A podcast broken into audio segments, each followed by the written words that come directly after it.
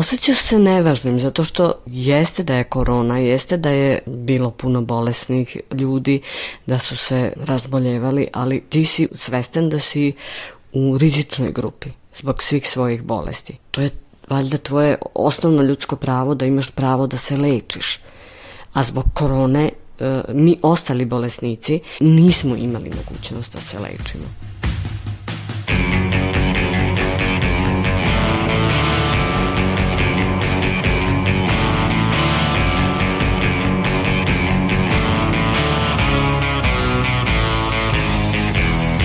Slušate podcast Reaguj, nezavisnog društva novinara Vojvodine. Moje ime je Iva Gajić, a na podcastu rade i Aleksandra Bučko, Sanja Đorđević, Irena Čučković i Nemanja Stevanović. U ovoj 31. epizodi istraživali smo koliko je pandemija koronavirusa uticala na osobe sa nezaraznim bolestima, kao što su hronični bolesnici i osobe sa psihičkim bolestima, i koliko je uticala na njihovo lečenje. Veliki broj operacija je odložen, stoga smo potražili odgovore kroz šta su prolazili pacijenti koji nisu bili zaraženi virusom korona, ali i kako je izgledao prijem pacijenata na odeljenja tokom pandemije. Olenka Živković ima nekoliko hroničnih bolesti. Osnovna bolest joj je problem sa štitnom žlezdom, koji je tokom godina doprineo razvoju raznih drugih bolesti kao što su diabetes tipa 1 i visok krvni pritisak.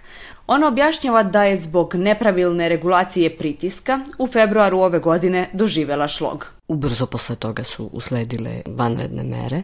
Neke sam preglede uspela obaviti, ali ostao mi je pregled koji se može obaviti samo u Sremskoj kamenici na institutu, to je optičko snimanje srca.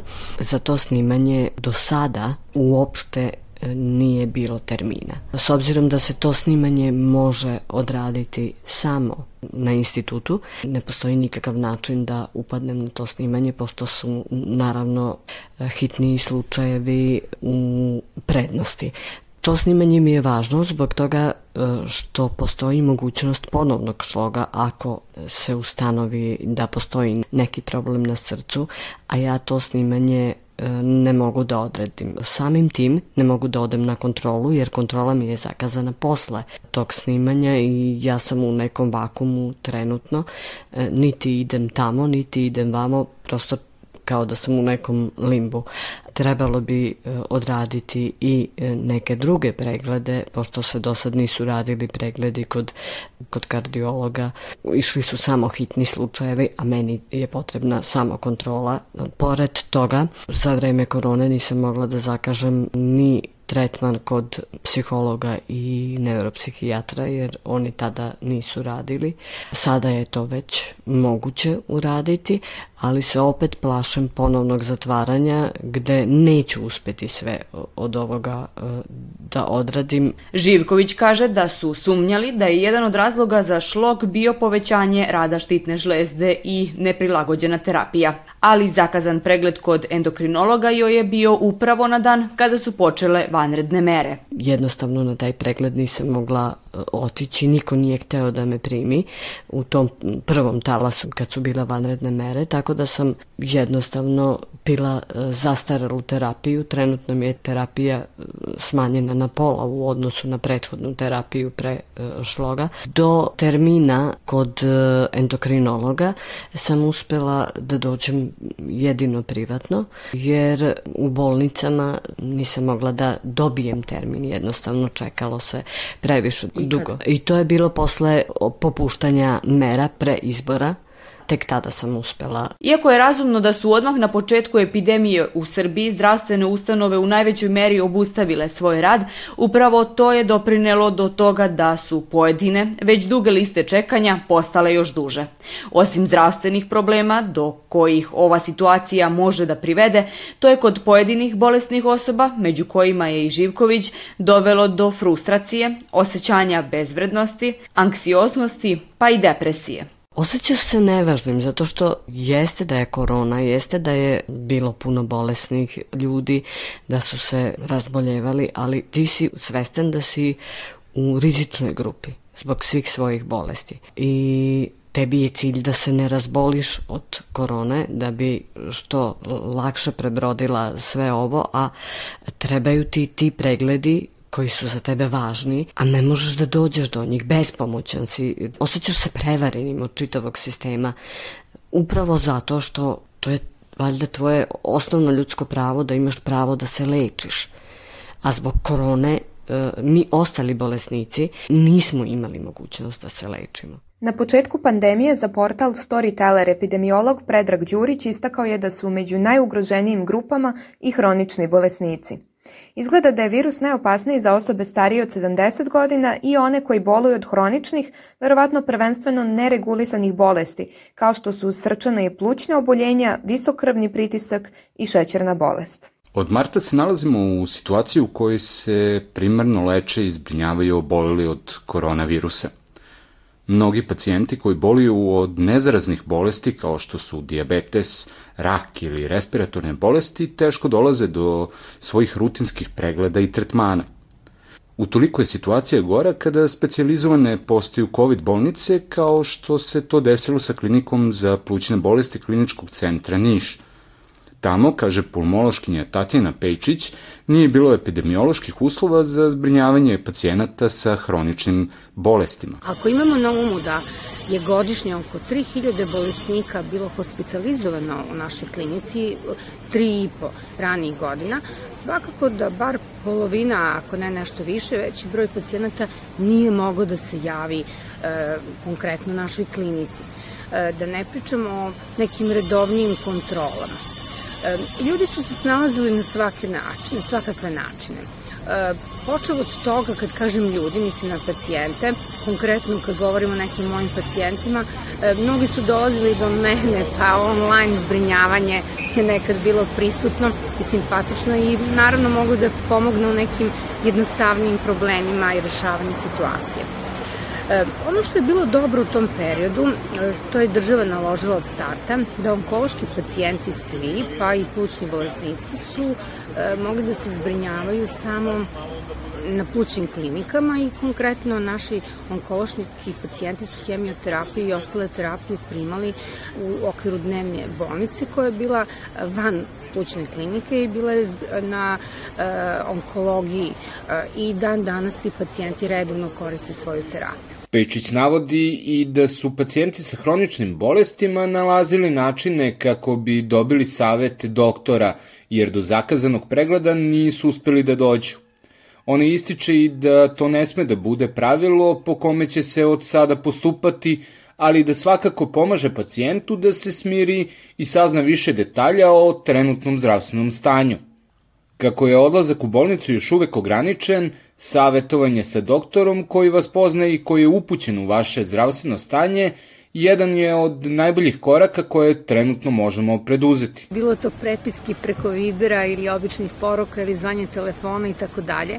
Pa nekad to nije zaista popularno, taman posle. Ja sam samo navila način na koji su ljudi morali da se e, dovijaju to ili e, mnogi od mojih pacijenta imaju moj telefon. E, mnogi su našli način da me nađu ispred čistog dela bolnice pa da dođu sa nalazima oni ili porodice da pitaju.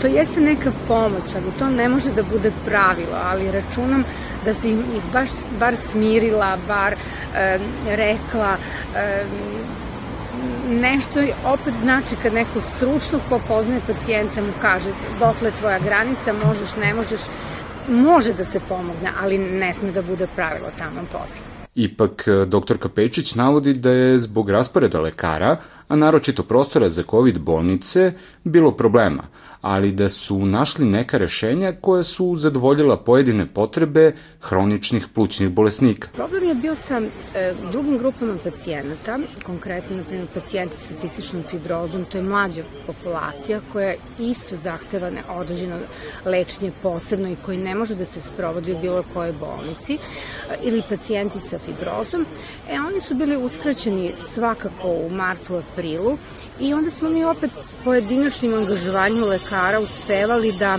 te pacijente pozovemo da na mesečnom nivou dobiju to svoje sledovanje terapije koja je neophodna, jer za takve grupe pacijenata se ta lečenja sprovode samo u tercijarnim ustanovama. Znači, nije stvar u tome da oni dođu do bilo koje bolnice, nego do one koja može i, i sme da propisuje i daje takvu terapiju ali mislim da su najpogođeniji ipak bili pacijenti sa hroničnim plućnim bolestima.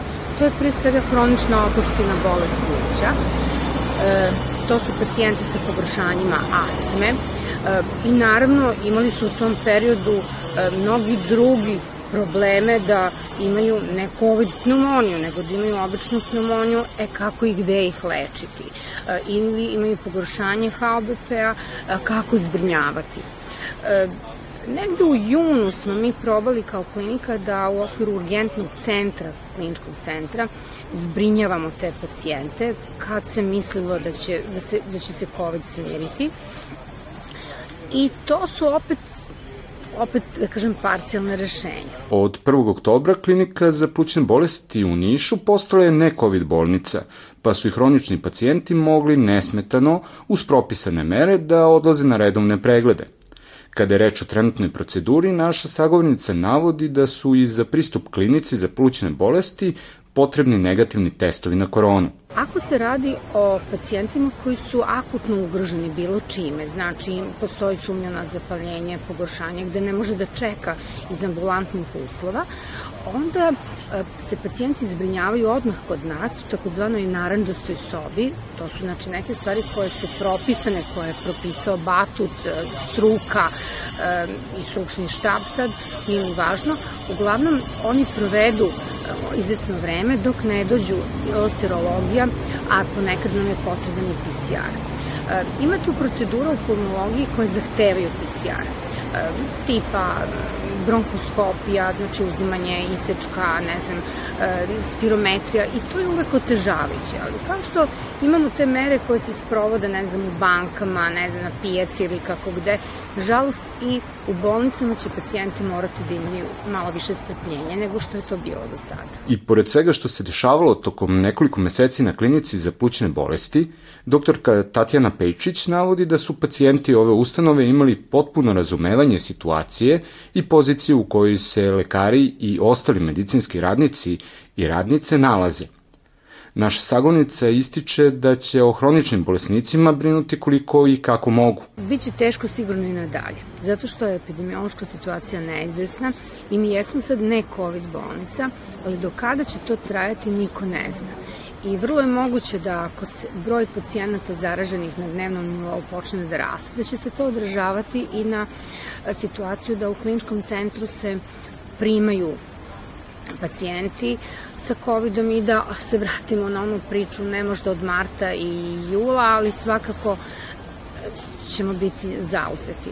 E, kakav je plan e, kliničkog centra, u svemu tome ja ovog momenta ne znam. Svakako logično je da u prvoj meri to budu na pacijenti sa COVID-om budu zbrinjavani na infektivnoj klinici, ali smo mi tu odmah uz njih.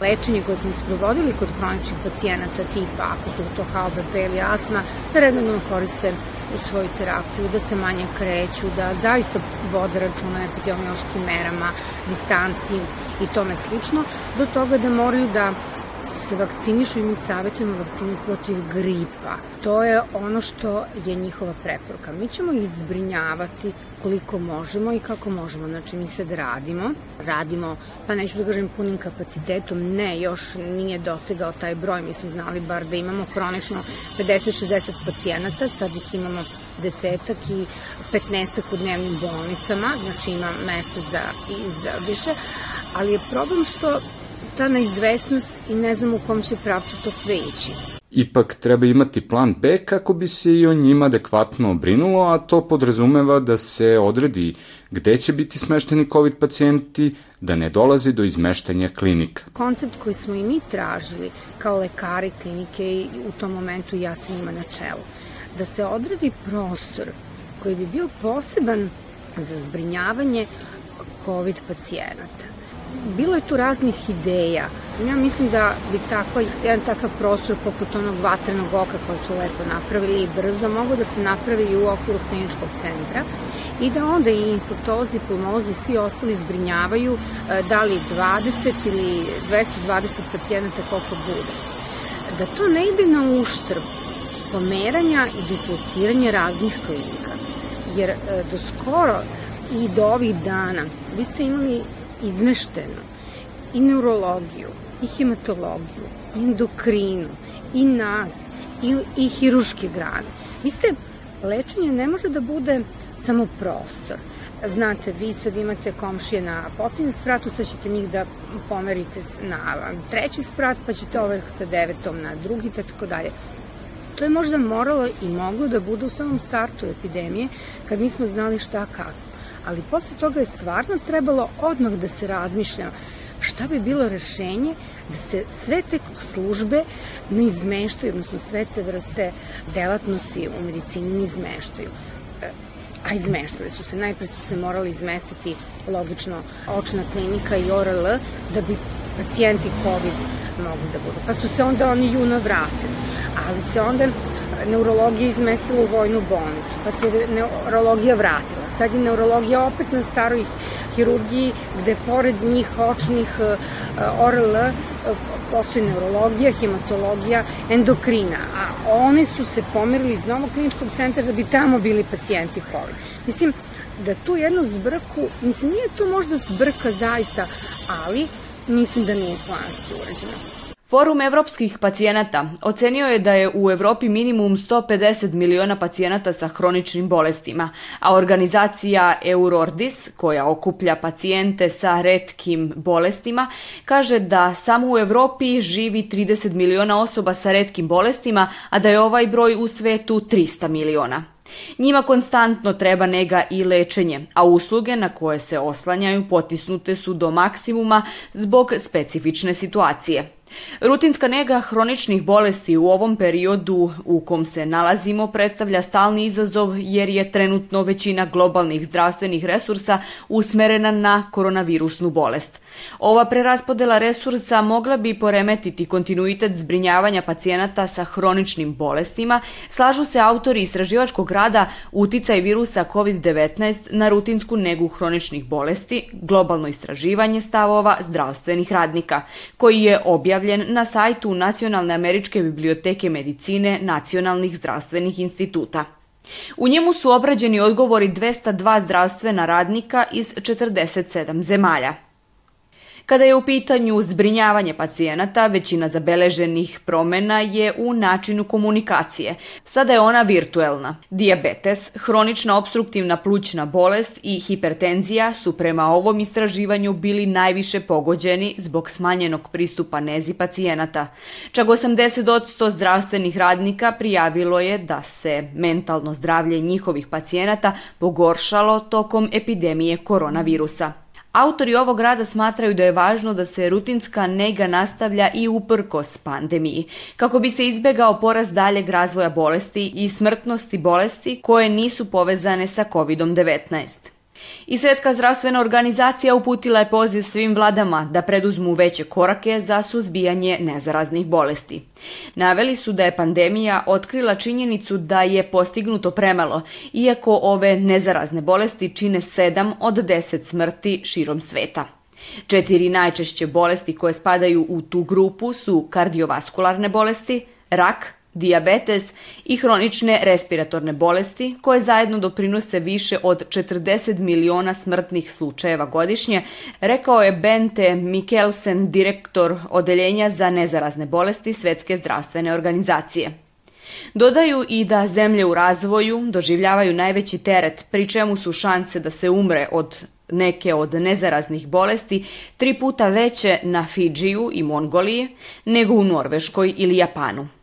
Naglašavaju da su ovi podaci važni jer ljudi koji pate od hroničnih bolesti imaju veći rizik za teže oblike koronavirusa. Psihijatarka Katarina Todorović, koja radi u bolnici u Jagodini, za podcast reaguje i kaže da su se kliničke slike pacijenata na psihijatrijskom odeljenju pogoršale za oko 30% od početka pandemije prilično je uticala u smislu da je došlo do uglavnom pogoršanja svih uh, a, pacijenata koji su se ranije lečili, znači pogoršale su se njihove kliničke slike, a sem toga došlo je i do novoregistrovanih pacijenata. Teranje na odeljenju to su uglavnom psihotični poremeći, znači to su ljudi koji su kupili kontakt sa realnošću, to su psihoze, znate. Tako da je kod njih recimo se broj pogoršanja povećao za recimo jedno 30% u odnosu na prethodni period. Todorović naglašava da je u toku vanrednog stanja primanje pacijenata bilo izuzetno otežano. Pacijenti su u toku vanrednog stanja primani isključivo u pratnji policije i službe hitne pomoći. To se kod nas zove privođenje. To su osobe koje ili ugrožavaju sobstvenu bezbednost ili bezbednost drugih e, osoba oko sebe. I e, to su osobe koje su izgubile kontakt sa realnošću. Znači, to su psihoze. Todorović objašnjava i da se veliki deo savetovališta prebacio na telefonske pozive, ali i da su pacijenti koji nisu bili zaraženi koronavirusom trpeli posledice. Bio je otežan pristup u smislu ambulantnih pregleda, da pacijent dođe na kontrolni pregled. To prosto je bilo nemoguće u toku vanrednog stanja. To je bilo neizvodivo zato što a, prosto pacijenti koji su bili ne COVID pacijenti su prilično, mislim, stradali zato što uh, je apsolutno sve bilo usmereno da se zbrinu COVID pacijenti. Što se tiče psihijatrije, mi smo samo primali, mi ambulantu nismo radili, znači niko nije mogu da dođe na ambulantni pregled.